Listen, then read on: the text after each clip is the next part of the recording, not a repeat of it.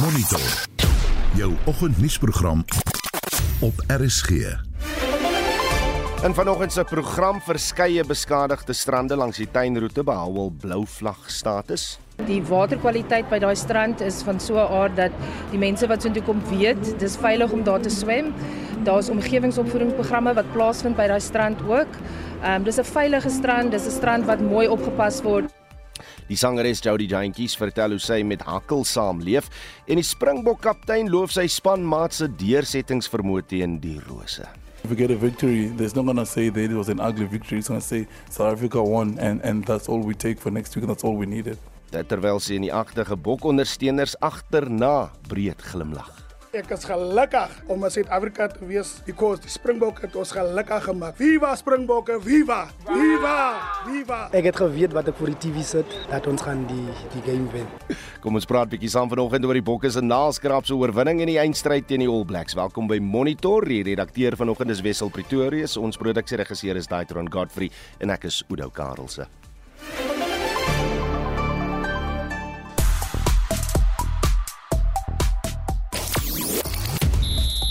Suid-Afrika 2 Engeland 0 in die naweek se Wêreldbeker wedstryde. Max Verstappen word die 5de Formule 1 renjaer om 50 oorwinnings te behaal en 8 spanne bly oor in die Carling Uitklopbeker. Ek is Shaun Jooste vir RSG Sport. Reg mense, ons kinders en talle hardebaarde het hierdie naweek saam-saam trane van verligting gehuil. Honde geblaf, kat het gemiau want hulle het nie presies geweet wat met hulle eienaars aangaan nie. Dit was nie mooi nie, maar 'n wen is 'n wen. Die Bokke se naskraap se 16-15 halfeindstryd oorwinning teen Engeland. Vandag vra ons Wie was jou speler van die wedstryd? Wat was die positiefes en in watter opsigte sal die Bokke hul sokkies moet optrek en aangesien dit weer eens 'n 'n marge van oorwinning van net 1 punt is. Wat was hy oomblik? Wat was hy insident wat die wedstryd gedraai het? Vir my was dit een spesifieke skrim wat hier rondom 55 minute plaasgevind het wat die momentum net heeltemal in die bokke se guns geskuif het. Maar wat was dit vir jou hierdie naweek? En dan was dit ook gister hakkelbewustheidsdag. Sukkel jy 'n familielid of kennis met hakkel? Hoe werk julle hieraan en indien wel Hoe het julle dit te boef gekom? Stuur 'n SMS op die nommer 45889. Dit kos jou R1.50 per SMS. Jy kan ook asseblief vir ons 'n stemnota stuur. Is nou WhatsApp op die nommer 0765366961.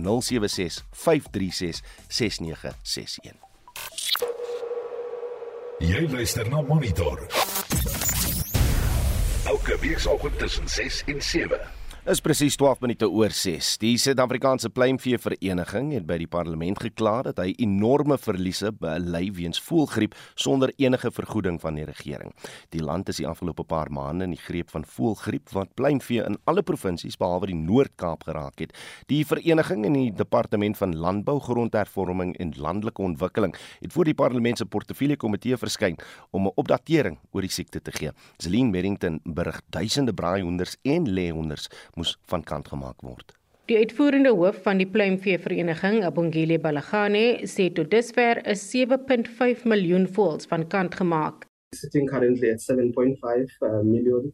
The 7.5 includes both the broilers and the layers, but on the broiler side, those are the broiler breeders. Now, all in all, the number of chickens as an industry we've lost over the years, we're looking at about uh, 13 million birds. Die vereniging skat dat die skade meer as 1.8 miljard rand sal beloop. Die uitvoerende bestuurder, Isak Breitenberg, sê hulle het die regering versoek om 'n rampfonds te stig. We are lobbying for compensation for culling as a disease control measure to control the disease and not for people to keep birds alive. We requested for a disaster fund to be set up um, to assist farmers that has been decimated by this disease. Maar die regering sê hulle kan dit eenvoudig nie bybring nie. Die departement se adjunkdirekteur-generaal, die Pepeneng Seraj, verduidelik we as the government just simply do not have the funds to compensate. We know culling would take some of them out of business. It's one of those unfortunate things that we just cannot afford, even if we want to. I'm saying this very carefully, mindful that it is the intention of government to assist farmers not to go out of business. We know, but we just don't have the funds. But also biosecurity. We've got a case of H7 of chickens that were moved from northwest to the, west, the Western Cape. That's recklessness because one would have known that we're in the middle of the outbreak And, and you, one would expect that farmers exercising, especially in terms of Section 11, would make sure that they take all due precautions. Die departement sê 'n besluit moet nog geneem word of en watter enstof gebruik sal word in 'n poging om van die siekte ontslae te raak. Zelene Merrington, Parlement. Die burgerregte organisasie AfriForum sê volgens sy rekords oor plaasmoorde sedert 2019 is die syfer vir vanjaar se tweede kwartaal die hoogste ooit. Daar is in die tyd 76 plaasaanvalle aangemeld waarin 24 mense dood is. Die landelike veiligheidsforum beklemtoon dat kundigheid van hoe om jouself, die gemeenskap en jou plaas te beskerm belangrik is. Die voorsitter van die forum, Bertus Pieters, het 'n kursus saamgestel vir selfbeveiliging. Suid-Afrika is vasgevang eintlik in 'n oorlog van misdaad. As ons na die bedreiging in die totaliteit kyk, dan sê ons dit is misdaad. Soos byvoorbeeld moord, roof, verkrachting, diefstal, brandstigting ensovoorts. Die bedreiging is die groot aanslag van misdaad en daar is die professionele misdadiger en daar staan die amateur misdadiger. Die amateur misdadiger is die geleentheidsmisdadiger. Hy pleeg misdaad waar daar vir hom 'n geleentheid voordoen. Maar die professionele misdadiger is die man wat in syndikaate funksioneer en dit waar ons groot probleem lê, want Suid-Afrika is geïnfiltreer deur professionele misdadigers en hulle is fyn professioneel opgelei om die job te doen. Hoe val die regering om landelike veiligheid te handhaaf? Hulle het 'n landelike beveiligingsstrategie gaan opstel Ek is redelik ver gevorder in uh, universitêre opleiding en ondervinding in beveiliging en ek kan nie die antwoorde aan hulle landelike uh, doktrine sien nie. Die groot probleem by die polisie lê dat hulle is eintlik die staatsinstelling wat met ons almal beveilig. Dit waaroor ek en jy vandag praat is eintlik werk van 'n forum nie, wat die werk van die polisie. Maar hulle het nie die vermoë om te doen nie, finansiëel of opgeleide vermoë nie dit is nie 'n geheim nie dat die polisie is gedeurweek met kriminele hulle self en ek wil sover gaan hulle is reeds geïnfiltreer deur misdaadsyndikaate as jy kyk hoe funksioneer hierdie ouens waar kry hulle inligting om sekere baie ingewikkelde oefeninge baie presies te kan uitvoer? So hulle moes inligting iewers gekry so die gemeenskap moet nou na sy eie veiligheid gaan omsien. Wat is die strategie in die benadering wat jy volg Ons kan nie die taak van die polisie gaan oorneem nie. Daarom het ons die strategie van voorkoming. Landelike beveiliging is die boere en dan klein hoewes is uitgestrek in die vlaktes in die oop. En hulle is baie baie maklike teikens. Dit is hoekom hulle maklik ook aangeval word. En die misdadiger kyk na maklike teikens. Ons kan saam met die polisie gaan werk. Daarom is dit ook deel van die kursus om mense 'n bietjie die job van die polisie te leer. Wat is die taak van 'n misdaadondersoeker op 'n misdaadtoneel? Dis deel van die kursus. So ons moet gaan hande vat met die polisie en hulle gaan help as gevolg hulle beperkte vermoë en ek wil amper sê hulle onbevoegde vermoë en die wil om die probleem op te los. En ons hele strategie is om 'n sagte teiken 'n harde teiken te maak deur 'n voorkomende maatreëls. Gee vir my 'n voorbeeld. Daar staan 'n plaas opstal. Hy het sy gewone heining om hom. Hy het geen alarmstelsel nie. Hy moet sy opstal 'n harde teiken maak deur behoorlike veiligheidsheininge. Hy kan dit verder vat deur veiligheidsligte daarop te sit, deur alarmstelsels daarop te sit, om in te skakel by 'n plaaslike veiligheidsorganisasie, sekuriteitsorganisasie om sekere fisiese maatreëls daar te stel om sy opstal, nie meer 'n sagte teiken te maak nie, maar 'n harde teiken te maak. Maar dit is ook by sy algemene daaglikse optrede. Hy maak dit vir die misdadiger as gevolg van sonder dat hy dit besef sy nalatige optrede maklik om hom 'n teiken te maak. Hy doen goed in rotine. Hy los goed buitekant die perseel wat dit vir die misdadiger maklik maak om teen hom te gebruik. Dit gaan hom net geld kos nie. En dan te gaan bepaal en proporsionele hulp in beroep soos byvoorbeeld die voorhou sê kom doen vir my taksering en kyk waar staan my veiligheid. En daar is nie geld om alles onmiddellik te doen nie want sekuriteit is duur. En dan hier is jou prioriteit. Kom ons vat dit fase vir fase en maak hom al harder en harder. Jy het nou 'n kursus saamgestel. Wat behels dit?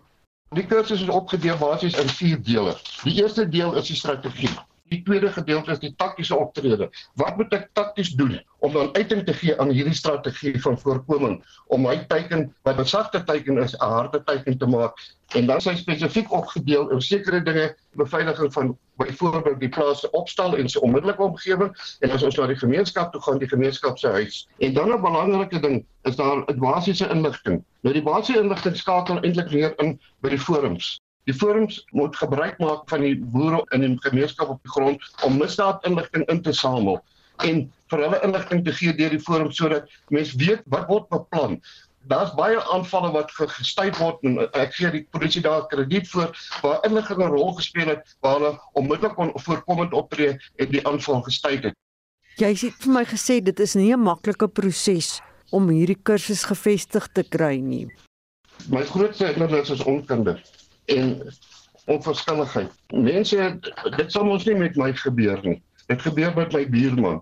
Dit sal nie met my gebeur nie. Totdat met jou gebeur. Bertus Pieters is die voorsitter van die Landelike Veiligheidsforum. Hy het daar met ons Mitsi van der Merwe gepraat. Wêreldnuus. Marlie Skeepers sluit nou by ons aan met 'n blik oor wêreldnuus. Israel se ambassadeur in Suid-Afrika, Eli Belotsarkovsky, sê sy land sal nie sy bombardering van die Gaza-strook staak totdat Hamas nie uitgeroei is nie. Hy het gereageer na die naweek se vredesberaad in Kaïro in Egipte. Israel sal nie enige vredesgesprekke oorweeg te midde van Hamas se vegvermoëns nie. I want to stress the Hamas is a terrorist organization that should be destroyed. And this is not only the aim of Israel, it's the aim of all the free loving states. And we've seen the support from the US, from Europe, from most of the democratic world. And this is a fight of Israel, but it's not only of Israel, it's the fight of all free loving people that, that condemn terrorism and will not let it happen. Israel het intussen sy aanvalle verskerp. Ja, Hamas uh, sê bykans 300 burgerlikes is die afgelope 24 ure in aanvalle dood, waaronder talle kinders. Altesaam 4400 mense is sedert die konflik uitgebreek het in Gaza dood. Luitenant-kolonel Pieter Lennard het aan die BBC gesê hulle doen alles moontlik om burgerlike sterftes te verhoed. Our efforts continue to destroy Hamas's capability at the same time as we try and differentiate between the civilian population, the non combatants, and the terrorists that are planning, abducting, conducting attacks, and continuing to fight us. En Israel se premier Benjamin Netanyahu en die VSA president Joe Biden het bevestig dat vragmotors met humanitêre noodvoorraad voortaan op 'n gereelde basis deur die Rafah grenspos sal beweeg. 'n Tweede besending vragmotors met voorraad is laat gisteraand by die grenspos deursoek om te verseker dat slegs medisyne en voedsel deur die grenspos beweeg. Die SAK se show in Bryce Peace doen verslag. The White House statement says Biden welcomed the first two convoys of humanitarian assistance into Gaza since the October 7th Hamas attack on Israel, with both leaders affirming that the flow of aid into the area would continue. Biden and Netanyahu discussed ongoing efforts to secure the release of all the remaining hostages taken by Hamas and to provide for the safe passage for U.S. citizens and other civilians in Gaza who wish to depart. En dit was die SAK se verslaggewer Shaun Bryce Peace vanuit New York. En dit was Marlie Skeepers met 'n oorsig oor wêreldnuus. Ons praat nou verder oor die Israel-Hamas oorlog met professor Dirk Coetzee van Unisa se departement politieke wetenskap. Dirk, goeiemôre. Goeiemôre Oude. Ek ek wil net begin met die bestempling van hierdie oorlog. Daar's joernaliste en Palestynse organisasies wat sterk kapsie maak teen die bestempling van die oorlog as die Israel-Hamas oorlog. Hulle voel dis eintlik 'n oorlog wat gerig is op burgerlikes van Gaza. Wat wat is jou benadering as ontleder tot die situasie? Wel ek ek dink dis 'n beskrywing van dat dit die twee streke wat te sprake is. Dis nie 'n politieke oordeel wat gemaak word oor wat is die aard van die oorlog nie, want dit kan uit verskillende hoeke na gekyk word. Ehm um, maar die die feitelike situasie, dis is dit is die Israeliese weermag wat die oorlog aan die een kant voer. Ehm um, en die die wat daarmee begin het, ehm um, is Hamas as die organisasie in Gaza. Ehm uh, so dit is uh, dit raak Israel en Gaza. Dit is die twee streke wat direk betrokke of die twee lande of eenhede wat direk betrokke is by die oorlog. Kom ons kyk nou na die vredessamesprekings in Kaïro waar uh, Israel nie aanwesig was nie. Is daar enigiets bereik met hierdie samesprekings of deur hierdie samesprekings? Nee, dis te vroeg daarvoor. Ehm um, die uiteindelike doel sal wees en dit is nie die eerste keer wat dit gaan plaasvind nie is om uiteindelik by 'n skietstaking uit te kom. Dit is daar moet geen verwagtinge wees dat daar politieke onderhandelinge ter sprake is nie. Dis 'n onderhandelinge wat gaan net gaan wees oor die konflik self. Ehm um, en die die onmiddellike oogmerk van onderhandelinge soos hierdie sal uiteindelik wees om ehm um, 'n skietstaking te kry wat saam daarmee sal gaan hoewel dit eers waarskynlik op 'n baie later stadium gaan plaasvind is oor die ehm um, mense aan uh, wat wat uh, of wat gevange geneem is aan die verskillende kante want daar's ook Hamas wat uh, uh, uh en waarskynlik as as dit 'n grond aan offensief gaan word dan gaan daar nog baie meer daarvan wees So dit gaan 'n probleem wees wat op 'n baie later stadium onderhandel gaan word en waar daar gaan uitreilings plaasvind tussen byvoorbeeld die vrylating van Hamas gevangenes hmm. wat in 'n uh, in aanhouding is in in Israel teenoor die uh, Israelies wat by oomblik in uh, uh in, in Gaza aangehou word. Maar dit is nie nou nie. Die die die mees direkte doel is 'n skietstaking wat ook nie nou onmiddellik ter sprake is nie, want die oorlog is nog voluit aan die gang. Maar ons het gisteraand gesien verskerpte aanvalle deur Israel en uh, in ons wêreldnuus het ons ook nou gehoor Israel sal nie enige vredesgesprekke oorweeg te midde van Hamas se uh, vegvermoëns nie. Dan as ons ook kyk, uh, Israel sê hy het begin met aanvanklike grondinvalle in grondinvalle in Gaza net om intelligensie in te vorder en die uh, opsporing van gijslaers. Hoe gaan hierdie fase van die oorlog nou die konflik verander? Eerstens moet ons eers sien of dit wel gaan plaasvind. Dit is nie 'n uitgemaakte saak dat daar die grondoffensief wel gaan plaasvind nie, want dit het baie hoë risiko's vir ehm um, Israel word kom daardeur te sprake. Onder andere die dat Israel se soldate dan gevange geneem kan word. Veral in waar dit 'n uh, baie noue kontak is in stedelike gebiede en wat gewone militêre offensief of of strategie en taktik nie gebruik kan word nie, maar dit 'n tipe van 'n gorilla oorlog amper of 'n stedelike oorlog sal wees. So uh, ons ons moet eers sien wat hoe dit gaan ontwikkel of dit werklik in daardie rigting gaan gebeur want dit is die die heel moeilikste van wat uh, die die oorlog sal behaas vir Israel en uh, dis met baie hoë risiko's. Hmm. Wat wat was president Ramaphosa se bydrae by die uh, Kairo beraad? Wel sy aandeel is is om die idee van dialoog van onderhandelings van 'n vredesame oplossing om dit te probeer bevorder. Hy doen dit sistematies, hy dit doen dit in die geval van die Oekraïne. Hy, en hy hy doen dit uh, altyd. Dit is nie net nou nie, maar deegans in die geval van die Israel Palestynse situasie. So dit dit is die punt wat wat hy probeer uh, beklemtoon. Dis nie dat Suid-Afrika self by die onderhandelings betrokke raak nie. Ons Suid-Afrika het nie die die onderhandelingsmag en en bedingingsvermoë in so 'n onderhandelingsproses, die invloed om dit te kan doen nie. Hierdie konflik soos jy sê, dit gaan lank voortduur en dan word diplomatieke verklaringe baie belangrik. Kyk nou na die woorde van James Cleverly, die Verenigde Koninkryk uh, se buitelandse sekretaris, uh wat sê en ek haal hom aan, I call for discipline and professionalism from the Israeli military. Terwyl koning Abdullah van Jordan sê uh en ek haal hom ook aan Anywhere else attacking civilian infrastructure and deliberately starving an entire population of food, water and electricity would be condemned dit blyk moeilik te wees vir Europese Europese leiers om Israel se militêre operasies ten sterkste te verdoem soos wat dit nou tans gebeur in Gaza. Ja, nee, dit is die geval as en dit is deels as dit as gevolg van die feit dat baie uh is Joodse persone in daardie lande self woon dat baie van daardie lande was direk betrokke in die Tweede Wêreldoorlog. Um en het Jode direk geraak in 'n soms in 'n negatiewe sin soos byvoorbeeld Duitsland of Frankryk of België of baie van daardie lande. So dit is nie 'n een eenvoudige politieke vergelyking wat hier bestaan nie.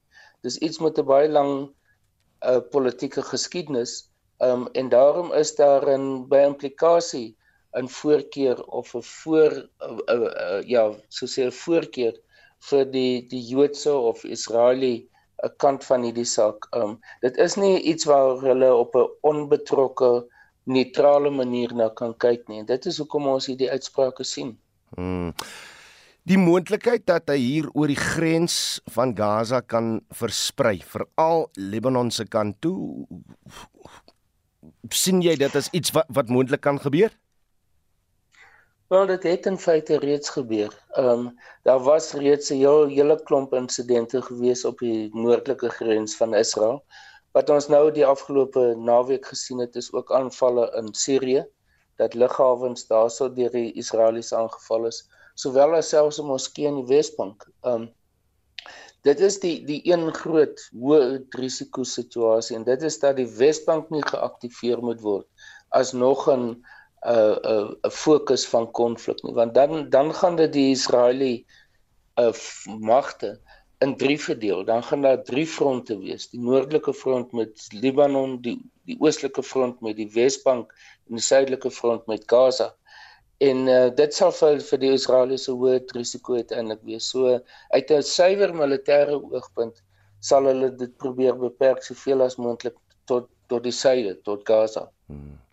Ons het ook oor die naweek gesien dat daar sekere bespiegeling dat die Amerikaanse vloot wat in die Mediterraneese See sit reg is om te ontplooi is daar op hierdie stadium daar enige rede vir die Amerikaners om meer direk betrokke te raak. Nee, ek dink die rede hoekom daardie vliegtuigskip daar is is om intimiderend te wees en om te sê vir enige land of dit nou Iranese of Libanese of watter groepering ook al is, moenie betrokke raak nie. Want ons het daar eintlik 'n lugmag van ons eie wat onmiddellik kan betrokke raak. So dit is meer afskrikking, dis meer om te probeer verhoed dat daar ander komponente by hierdie oorlog betrokke raak as om werklik aktief self daarbey betrokke te wees. Ehm um, so ek sien nie die Amerikaners word daarbey betrokke dat hulle betrokke gaan wees nie, maar dis eerder daardie intimidasie Hm. En dit is die funksie van vliegtuigskepe baie baie dikwels. Is daar die intimiderende teenwoordigheid wat hulle daar het. Professor Derkotse is van Unisa se departement politieke wetenskap. Jy luister na Monitor. Elke weekoggend tussen 6 en 7. 6:31 en hier is wat voor lê. Die sangeres Jody Jantjies vertel hoe sy met Hakkel saamleef en ons praat oor die bokke se naskraapse oorwinning teen die rose. Reg, vanoggend praat ons bietjie oor die naskraapse oorwinning deur die Bokke teen Engeland. Hulle is nou wel in die finaal teen die All Blacks en die groot vraag wat ons vanoggend weer eens vra is wie was jou speler van die wedstryd? Wat was die positiefes en in watter opsigte sal die Bokke hul sokkies moet optrek en weer eens omdat ons met 1 punt gewen het, wat was daai voorval, die insident, daai uh, stukkie spel? Wat seker gemaak het dat die Bokke na die finaal toe is. As ek kyk op die SMS lyn sê Inet van Durban, "Oudou nee wat, die gechommel is nie rugby nie. Kan Faf net ophou om die ref reg te help, maar my All Blacks wag," sê sy. "Go Ferns, my span vir 65 jaar." Dis Inet van Durban mense. Ek weet nie wie van julle vir Inet van Durban ken nie, maar gaan groet maar daar vir haar in Durban asseblief. Dan sê Johan van Pretoria, die bok het gewen en hulle het toe sommer die ref ook gewen. Mooi bokke, mooi. Andre Pallard was die beste twee keer met lang strafskoppe. Hy het gesorg dat die bokke wen. Dis lood in Rustenburg. En uh net so 'n paar ander boodskapies. Uh, ja, die bokke het uh, ja, RSG het bokke verdoesel. Hul firing power. Baie mense stryd oor on, wat oor, oorwonne. Uh, ek nie. Always try, never give up. Essa se lese. Dis uh ja, van anoniem wat daai boodskap deurgestuur het en dan sê Samuel Walters van Gouda die bokke was Saterdag swak en gelyk soos maar plotters. Okse skramwerk was goed en Hallard uh, uh, Hallard Hallard jy mens ek Pollard. Hy is seker ons versekerings is dit nie. Hierdie ander Pollard het 'n goeie voet. Ja, daar's hy. Stuur nog van julle boodskappe asseblief. Ek wil bitter graag tog 'n WhatsApp stemnota hoor voor ons groet vanoggend 7uur. Uh die SMS nommer 45889 dit kos jou R1.50 per SMS en uh julle stemnotas deur na die nommer 0765366961. Die interessante is dat jy feitelik nooit die rem trap nie. As jou regtervoet heeltemal van die versneller afval, dan rem hy nogal hard. Dis net as jy regtig hard moet rem dat jy die rempedaal nodig het. Luister Saterdag na ons motorrubriek op Naweek Aktueel tussen 12 en 1.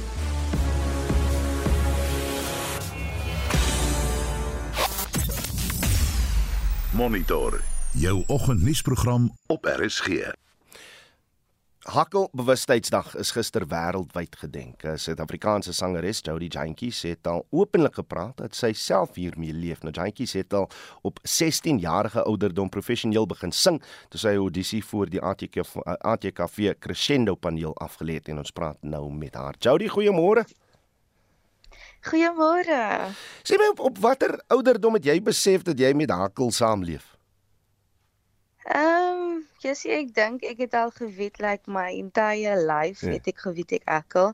Um, maar ek dink dit was um vir vir um hom vir hel op skool het ek ge, uh, hom begin besef that there's you know something um different about me omdat jy weet um op skool um hoe ons like um hondelinge doen en goed. Hmm. En ek het um altyd um gesukkel daarmee en um ek het ook begin besef jy weet soms kan um kan kinders bietjie um, Ja, ja. bietjie um huilik ook wees you know. So ek dink ek het dan besef dat um ek sukkel met haar. En dis ook in my family in so. Okay. Okay, nou hoe het jy dit reg gekry om om die hakkelery te begin hanteer in jou lewe? Want, want dit soos jy gesê het dat jy, jy kom ons op by oomblikke neer waar jy soos met die mondeling voor mense moet praat. Dit, dit, wanneer slaan die hakkel toe en en hoe het jy eh, 'n benadering gevind om om om dit te bowe te kom? Mm. Jo, um ek dink ek ek ek, ek weet nie hy ek dink dit was vir my um 'n big deal for the longest time het ek gedink ek sal nooit iets um, van myself kan kan kan kan um hakkie. Because ek het nooit vir myself gesien hoe ek sal like gaan werk eendag. Ek het nooit gesien hoe ek um enige iets sal kan kan kan kan, kan Hmm. doen nie. Maar um toe ek begin met music en toe ek begin besef wat is my doel in die lewe en toe ek begin sien dat ek um ander mense soort van kan kan kan, kan ek s- inspire Mm. omdat ek weet dat daar so baie mense wat met dieselfde ding sukkel, het ek besef dat um hierdie ding is it's bigger than what I am and the fear that I have of um wat gaan mense van my sê as ek nou gaan sit op TV en I'm stuttering gaan um ek is op radio en ek hakkel you know?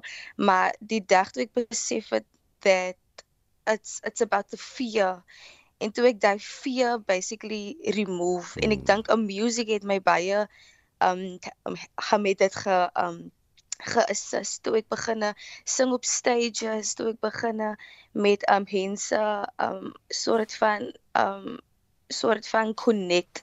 En ek dink ek ek kon sê wat ek wou sê deur my music.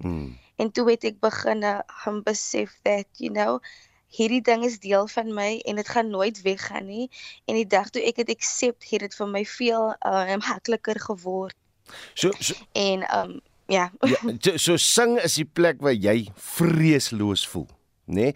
Ek Yes. wonder nou net vir vir individue wat ook hakkel, vir vir ouers wat miskien met kinders sit wat hakkel, wat is jou raad aan hulle om ook hulle plek te kry, uh, uh, uh, hulle punt te kry waar hulle heeltemal vreesloos kan wees? Mm. Ek dink soos ek genoem het, ek dink jy moet daai spesifieke ding vind wat jy voel um is sort of your on purpose. So die dag toe ek ek besef sang is my um, pu- um purpose um het ha- um het ha- um het dit my um basically gesteer in the direction of being fearless. En ek dink it's it's still very um scary om te dink dat ek soms moet uh, I have to um be on stage en ek moet saam met mense you know um praat. I I have to do TV interviews, Mm, mm, radio mm. interviews en dit is still nog very very very scary maar ek dink die dag toe ek besef dat it's more than me het dit ba baie meer um, makliker vir my geword. Reg. Nou ek, ek, jy seker 'n bokondersteuner, nê? Ek is die grootste bokkoniste. My stem is lieflik. weg soos jy kan hoor. maar maar ek wil tog vra, ek hoop as bietjie ek ek hoop as genoeg van 'n stem oor om net iets moois te sing vir die bokke? Wa- wa- Want hulle het, hulle het net so 'n bietjie van 'n blaaskansie nodig. Ons almal het eintlik net bietjie van 'n blaaskansie nodig want hierdie hierdie naweek was hier nie tergend. So so gaan nou na daai vreeslose plek toe asseblief Jody en sing vir ons iets mooi dat ons net bietjie kan ontspan vanoggend. Okay, dis reg. Met die lied van my hart, die melodie van my tong, die liriek as my leier, dis my storie, dis my sang, ja, die skrif is teen die muur. Ek praat met melodie. Skare sang moet luister. Dit is my sang. Hey, Jody, jantjies, baie baie dankie. Dit was so lieflik. Nou kan ons almal net bietjie ontspan en regmaak vir die naweek se wedstryd, maar dit was sangeres Jody Jantjies. Die jaarlikse nasionale blouvlag toekenningsseremonie is by die wildernis of by wildernis naby George in die Wes-Kaap gehou. Die blouvlagstelsel is sedert 2001 in Suid-Afrika in werking en het 'n munisipale marine en toerisme bootvennote in 18 kusmunisipaliteite. Die stelsel word deur die Wild en Omgewingsvereniging van Suid-Afrika oftewel WESA bestuur. Tanya Kraus doen verslag. Strande in die provinsie is verlede maand erg beskadig deur reuse golwe. Die tuinroete streek is veral swaar getref, maar dit het nie hul blou vlag status belemmer nie. 'n Blou vlag sal voortaan wapper in Victoria Bay en George, saam met die voorheen bekroonde wildernis en Harold's Bay. Die plaaslike burgemeester Leon van Wyk sê Lentjiesklip is ook bygevoeg as 'n loodsprojek. Ons is natuurlik baie bly dat Lentjies Klip nou bygekom het as 'n loods uh, blouslagstrand want dit gaan beteken dat ons met die tyd dan vier strande gaan hê wat blou vlae het. Die Hesekwa munisipaliteit kan spog dat al sy strande blou vlag status behou, met Gouritsmond wat vir die 15de agtereenvolgende jaar bekroon is. Die munisipaliteit se bestuurder van openbare fasiliteite, Andrei Hansen. Ek moet sê dis die positiewe ondersteuning van ons raad, asook die samewerking van ons munisipale bestuurder meneer Albert de Klerk en my direkteur tegniese dienste meneer Werner Manu, maar ook met al die ander amptenare wat betrokke is. Ek kan dit nie sonder hulle doen nie, so ja. Dis die enigste hoop wat ons het om almal saam te werk om die beste te doen in Suid-Afrika. Om blouvlag status te bereik, moet meer as 30 verskillende kriteria nagekom en gehandhaaf word. Dit sluit in watergehalte, omgewingsopvoeding en inligting, omgewingsbestuur asook veiligheid en dienste. Dit is 'n internasionaal erkende status vir strande, marinas en bootoperateurs. Wesa se uitvoerende hoof, Helena Atkinson. Die blou vlag beteken dat die strand en die munisipaliteit 'n baie goeie werk doen om die fasiliteite te bestuur. Die waterkwaliteit by daai strand is van so 'n aard dat die mense wat soontoe kom weet, dis veilig om daar te swem. Daar's omgewingsopvoedingsprogramme wat plaasvind by daai strand ook. Ehm um, dis 'n veilige strand, dis 'n strand wat mooi opgepas word en mense kan met gemak soontoe gaan en weet wat om te verwag. Wesa het ook sy groenkus status toegeken aan minder ontwikkelde kusgebiede en strande met die doel om spesies, habitatte en kulturele erfenis te beskerm. Ek is Tanya Krause op Wildernis in die Wes-Kaap. Reg, is tyd vir die jongste sport met Shaun Jooste. Shaun, goeiemôre. Ja, goeiemôre Ouder. Suid-Afrika kraai koning oor Engeland in die cricket en rugby, uh, rugby wêreldbeker toernooie. Nou wag daar 'n eindstryd waarna ons al 28 jaar uitsien. Ja, oor ons moet dit sê die bokke was die naweek al eie vyande geweest en dit was nogal een van die slegste vertonings in 'n rugby geweest, maar ook ons praat ook nie van die skeieregter Ben O'Keefe nie. nou die uh, oorwinning teen Engeland, die 16-15 oorwinning beteken Suid-Afrika en die All Blacks pak mekaar Saterdag aan die eindstryd. Dit sal die 6ste wêreldbeker kragmeting tussen die twee reëse wees met uh, Nieu-Seeland wat 3-2 voorloop. Beide spanne is op soek na hulle 4de wêreldtitel. Voel 'n bietjie breakfast na die maal maar die Bulls en Stormers begin die Verenigde Rugby Kampioenskap met 5 punte. Ja, die Bulls het die Scarlets gister met 63-21 verpletter. Die Sharks het 34-21 in Ierland teen Munster gestruikel en ten spyte van 'n terugvegpoging in die tweede helfte verloor die Lions 35-33 teen die Stormers. Uh India is die enigste onoorwonde span in die mans eendag cricket wêreldbeker toernooi en die plaaslike eendag beker is op pad na 'n nuwe tuiste. Ja, in dit Nieu-Seeland gister met 4 paaltjies getroof danksy 95 lopies deur Virat Kohli en 5 paaltjies deur Mohamed Shami. Nou so moet dit Suid-Afrika se veldtog is terug op koers na 'n rekordoorwinning van 229 lopies oor Engeland. Dan in die plaaslike eendagreeks die laaste ronde gister beslis en uh, WP en die Northwest Dragons is eerste en tweede. Hulle pak mekaar nou Saterdag in die eindstryd. En uh, 50 Formule 1 oorwinnings vir Max Verstappen en hy ewenaar ook sy eie rekord. Ja, na die oorwinning in Austin, Texas, ewenaar ewenaar hy die rekord vir die meeste oorwinnings in 'n seisoen, naamlik 15 en die rekord is verlede jaar deur Verstappen opgestel met vier wedrenne oor, dink ek dit gaan beslis verbeter word. Nou, Alan Prost, Sebastian Vettel, Lewis Hamilton en Michael Schumacher is bo hom. Hamilton het 2.2 sekondes agter hom in die tweede plek geëindig en uh, nog 'n Brit Lando Norris was derde vir McLaren. En 16 span het nou 8 geword in die Carling uit uh, uh, klopbeker. Ja, so 'n paar verrassings. Uh, Supersport United is gister met 4-1 deur Polokwane City verras.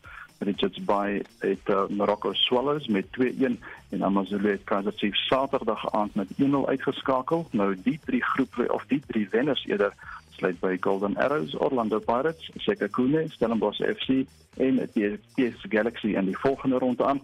Dan het in die Engelse Premier Liga C4 Aston Villa 4-1 teen West Ham United, Manchester United vereer die oorlede legende Sir Bobby Charlton met 'n 2-1 oorwinning teen Sheffield United en Chelsea en Arsenal het ook 2-1 gelyk opgespeel. En dit was Shaun Jooste daar van RSG Sport.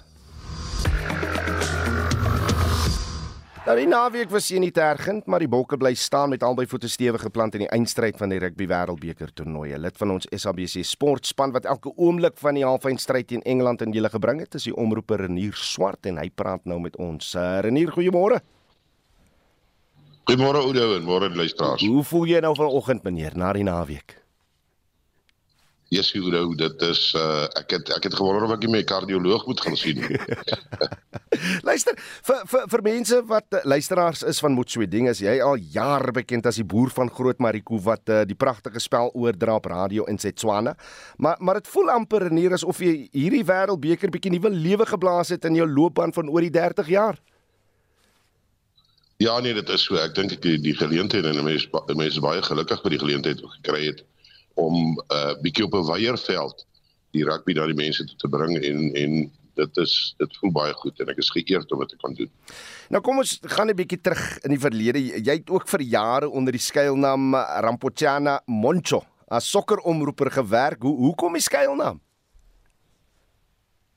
Uh, ag dit was omstandighede in daai tyd uh, wat mense dit gedoen het en dit dit het eintlik vasgesteek. Jy weet reg in die begin uh, was ek nie veronderstel om uit te saai nie en en uh, uh toe ek maar die naam Rampochani Monso geneem. Yeah. Ja. Is my my my Setswana naam wat ek in elk geval het van dat ek 'n kleintjie was en ek net die net die van swart wat verander het na Monso toe wat ook maar swart beteken. en en uh so uh, dit as gevolg van dit het ek toe uh sokker uitgesaai in die en die naam het gestiek as mense dit nou maar so kan noem. Yeah. Ja. En toe het ek daarmee aangegaan en en sokker uitgesaai en uh, en toe rugby en cricket en uh, verskillende sportsoorte het ek maar die die die verslae en en die regstreekse kommentaar gebring na die na die luisteraars toe van van daai tyd Radio Tswana of Tswana Stereo voordat dit met Swedin geword het. Mm, mm. En en so ek sê die naam het maar bly gebly en later het ek maar self besluit dat uh, dat uh, nee, dis nou tyd dat mm. dat die, die mense moet weet dat ehm um, uh, ek ek eintlik 'n Afrikaner is wat in Swana uitsaai. Is daar sekere mense wat verbaas was? Ja, ek dink vandag nog is dit so. Daar is nog baie mense wat verbaas is dat ons die die taal behoorlik praat en en die taal natuurlik reed uh, probeer ontwikkel ook om aan te pas by sport. Hmm. Uh as gevolg van die liefde wat hy oor sport het, probeer jy om die omdat die taal so verduidelikend is, uh het het ons probeer om om terminologie te skep en goed wat verduidelikbaar is oor wat op die sokker of wat op die op die sportveld spesifiek aangaan mm, uh mm. om dit te bring in die spesifieke taal. So gepraat daarvan, ek het nog net uh, sover een keer die mikrofoon met jou gedeel vir die halfeindstryd van die Karibeker. Toe leer jy met die Setswana gesegde Udinala di Metse vir 'n aanslaan wat eintlik soveel meer is as 'n aanslaan want jy verduidelik letterlik in Setswana hoe 'n ou met nat vingernaels speel en dit is soveel meer kleurryk in die beskrywing. Uh, is dit vir jou moeilik om dan oor te skakel na Afrikaans want jy sê selfs uh, of self as dit by jou beroep kom, dan dwing dit jou om in Setswana en nie in Afrikaans te dink nie. Ja, dit is dit is nogal moeilik hoe die die die oorslaan van die een taal na die ander taal en dan ook na Engels toe. Ek dink die Engelse gedeelte is miskien 'n bietjie makliker uh van van uh van Afrikaans na Engels toe, maar van Tswana af is dit vir mense is dit vir mense heeltemal iets anders ter jy, jy dink anderster en en ek kry baie keer nie die beskrywende woorde hmm. wat ek het in Tswana uh om om te beskryf wat wat uh iets gebeur nie. Tswana is, is baie baie idiomaties en baie mm. uh 'n taal wat jy soos jy sê die uh hoe die nala die mense vir 'n vir 'n vir 'n aanslaan uh in in Maar alhoewel dit baie naby aan Afrikaans lê, jy weet, ek het altyd gesê uh, en en ek doen nog steeds die fout wanneer ek in Afrikaans uitsaai dan praat ek van 'n vervyfskop. Dit was my een van die verskriklikste een van die mooiste woorde in in Suid-Afrika veral in rugby. Hmm. En ons het dit net verander om te sê in Swana is dit Kaleletso. Jy weet dit is hmm. maak vol die punte. Ja, yeah, ja. Yeah. Maak uh, maak die die 5 punte 7 punte. Nou Nou soos dit in Afrikaans was, eh, die 3 punte wat 5 geword het dat ons dit vir 5 skop genoem het, is dit nou maar net in Swana net 'n volgende stap dieselfde. so eh, die die Afrikaans en Setswana het baie raakpunte betreffende wat wat uh, wat die kommentaar betref, jy weet. Maar dit is baie keer baie moeilik om om van die een taal af net oor te gaan na die ander taal toe. Reg, kom ek en jy gesels nou oor die bokke. Uh, is dit vir jou 'n bron van kommer dat ons 2 weke in 'n ry eintlik swak gespeel het as ons eerlik is met onsself maar maar tog gewen het terwyl die All Blacks se spelpyl op die perfekte tyd begin verbeter. Ja, ek dink dit is dit is dit moet 'n bekommernis vir ons almal wees. Uh ons hoop en en en dan sê die gedagte ook, jy weet mense ons gaan nie drie keer in 'n ry so speel nie. Uh dit was uh Saterdag was was was ek baie meer bekommerd as teen in die wedstryd teen Frankryk. Ons het geweet wat Frankryk uh, daar is en wat wat ons moet verwag. Uh ons gedagte was dat dat ek dink baie baie uh rugby uh luisteraars en en en mense wat wat die wat die rugby kyk het en en luister het meer verwag van die hmm. bokke af uh hierdie hierdie Saterdag as as wat hulle gedoen het ek dink ons was uh, ons was in groot moeilikheid en jy kon dit sien jy kon dit sien aan die bank jy kon dit sien aan aan uh, toe die toe die kameras gaan daar na na na Siamtana Kolisi toe mm. en en Eben Etzebeth en die manne daar langs die band het dit het dit amper gevoel asof daar so 'n doodskyk in daai oë was hm. dit uh, dit dit dit het gewys dat daar was ge geweldige groot bekommernis op daai spesifieke stadium uh ek dink ons het ons het uh, die enigste ding wat wat wat ons kan dra en wat ons as ons hierdie wêreldbeker wen moet moet baie mooi na uh, uh, geloof is is die, die is die feit dat ons deursettingsvermoë daai deursettingsvermoë om nie vir een oomblik te dink dat ons gaan nou ophou nie dis verby. Hmm. Uh en en ek dink dit dit is die ding wat ons gedra het. Maar 3 weke in 'n ry so ek weet nie. Kyk die die die die, die Franse wedstryd het ons dit verwag. Ja. Ek het dit verwag ja, dat ja. dit gaan 'n bitter bitter daarbey wedstryd wees, maar nie die een teen die Engelse. Kom ek vra hier dan daar's da 'n paar manne wat groot aanspraak maak op 'n plek in die 15tal. Dink jy Jacques en Rassie sal en ek gebruik die woord eksperimenteer, maar is nie eintlik eksperimentasie nie met met 'n paar vars longe in die finaal. En dink jy hy moet? Ek dink hy moet. Ek dink jy weet ek ek sê altyd vir die mense oor oor hierdie uh, groep wat oorgegaan het, die groep van 33. Hulle is almal daar as gevolg van vorm en hulle is almal daar wat dit hulle verdien dit om daar te wees. So dit, dit kan nie so moeilik wees vir Rassie om is om om 'n A-span of 'n B-span te kies. Daar is nie 'n A-span of 'n B-span nie. Die daar is manne wat kan instaan. Uh in my eie oë dink ek ons moet in die in die in op die in die middelveld moet ons moet ons 'n verandering maak. Uh dit is asof Jesse Kriel moeg was jy weet hy het swaar gekry in die wedstryd teen Frankryk.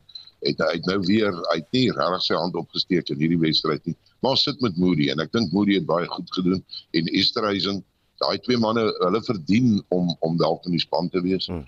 Uh ek ek dink uh in die in die lynstaande gaan ons het ons het hulle het ons hulle het ons oorrompel in die lynstaande en ons sit met manne soos soos Marvin Ori wat wat die wat die lynstaande bietjie kan destabiliseer aan hmm. hulle kant en en en dis sulke manne wat moet moet na gekyk word. So ja, ek ek dink regtig as ek uh kan kyk na die span sal ek 'n paar klein veranderings maak, maar uh dit dit kan net veranderings wees wat ten goeie kan wees vir die span omdat ek sê daar's nie 'n A en 'n B span nie. Daai manne is almal daar omdat hulle op vorm daar is en en ek dink enige een van hulle kan in die beginspan of selfs op die bank verskyn wanneer ons teen Nieu-Seeland speel. Net vinnig as ek kyk na die SMS lyne is daar baie mense wat sê luister Oxencham hy moet eenvoudig net begin. Vir vir mense wat nou nie mooi verstaan hoe hulle te werke gaan met daai voorry nie en en wat die impak dan van die die ouens op die bank is nie. Ver, verduidelik net en en sou jy met met Ox begin? Nee, ek sou nog steeds nie met Ox begin nie. Ek dink ek dink Ox is 'n baie goeie impakspeler en en in hierdie daai laaste 20 eh, minute, kom ons stel dit want gewoonlik was die impakspelers maar hier op die op die 60ste minuut ingebring. Hy was 'n bietjie vroeër ingebring hierdie keer. Maar ek dink hy's 'n baie beter impakspeler om spesifiek op baie stadium wanneer ons die die die die moet baie goed staan in die skrams uh moet ons hom eers inbring en ek ek sal hom nog steeds van die bank af speel en uh 'n ander man wat natuurlik van die bank af baie goed sal doen is Trevin Jakani. Uh, uh so so daai twee sal ek nie as as beginspelers begin nie. Nee, plat nie, die impakspelers beter. En dan net vinnig laastens, as ons die All Blacks span Saterdag klop, gaan dit seker een van rugby se mees dramatiese stories ooit verseker. So ek wil tog vir jou vra in jou mooiste idiomatiese Setswana eh, verduidelik net hoe groot dit kan wees en dan kan jy terugkeer na Afrikaans toe om hom net te onderstreep en vir ons te laat weet wat jy in Setswana gesê het asseblief meneer. Tota gare ka fenya sejana sena sa lefatshe e tlabe ke ke kua ke re magala makapa. Lefatshe la Afrika Borwa ne le eme ne le ne le ipakantse ba botlhe le re eme le bone ne e tonna e tonna sengwe se se tona tota se se diragalang. Uh ek kan net hoe raas skree uh wanneer dit moet gebeur uh wanneer Suid-Afrika hierdie wêreldbeker wen. Omdat dit dit sal een van die uniekste wêreldbekers ooit wees maar ons moet onthou, ons is nog steeds die wêreldkampioene en ons staan 'n goeie kans om die wêreldbeker te kan wen. Lieflik, lieflik. Rugby omroeper SABC se uh Renier Swart, legende. Ek sien jou Saterdag baie dankie vir jou tyd hier op monitor. Dag, ons praat natuurlik vanoggend oor die Bokke en hulle oorwinning teen Engeland en uh ja, wat sou jy sê die ding is wat hulle waar hulle hulle sokkies moet optrek teen die uh, eh, Nieu-Seelanders hierdie naweek. Dis wat jy uh, op ons stemnotelyn gesê het. Nadat al die showboys afgegaan het en die manne opgekom het, uh, soos 'n Kwagga, Pollard, Snyman, het die ware bokke begin speel. Dit blyk dat ons maar die beste in die wêreld is as ons nie die showboys eerste opsit nie. Dis Mariana Benson van Somerset West. Dit was maar broekskier rugby. En die doodsnikke het die bokke opgestaan, die dode en met mening teruggeveg. Oks het 'n groot verskil gemaak en so ook Pollard. Maar die span het gespeel, die hele span. Daai bomsquad wat opgeskom het, het 'n groot verskil gemaak. Maar 'n wen is 'n wen, al is dit met Asai, Nog van julle stemnotas asseblief 0765366961. Julle SMS se deur na 45889. Dit kos jou R1.50 per SMS. So gepraat van die SMS'e, Marie sê die Bokke kan nie in reën speel nie. Hulle spelpatroon het nie gewerk nie. Die All Blacks gaan ons klop as ons weer so swak gaan speel. Môre Oudo sê uh, Dion van der Westhuizen, hierdie week hoef jy nie 'n pergeermiddel te neem as jy aan 'n uh, bietjie hartlywigheid lê nie. Los dit vir die bokke. Ag, ek, ek, ek gaan nie res van hy boodskap maar los nie. Julle julle kan maar kyk op die SMS lyn wat eh, wat hy te sê het. Maar stuur nog van julle boodskappe eh, eh, boodskappe. As speel ons hulle uit tussen 12 en 1 op Spectrum vanmiddag. En so gepraat van die Showboys. Ek is seker die Showboys gaan maar weer die groot show begin teen New Zealand hierdie naweek, né? Nee? Maar ons praat môre weer op Monitor tussen 6 en 7. Ons groet dan namens ons uitvoerende regisseur Nicoline de Wee, ons redakteur vanoggend is Wessel Pretorius, ons produksieregisseur is Daitron Godfrey en ek is Udo Karlse. Totsiens.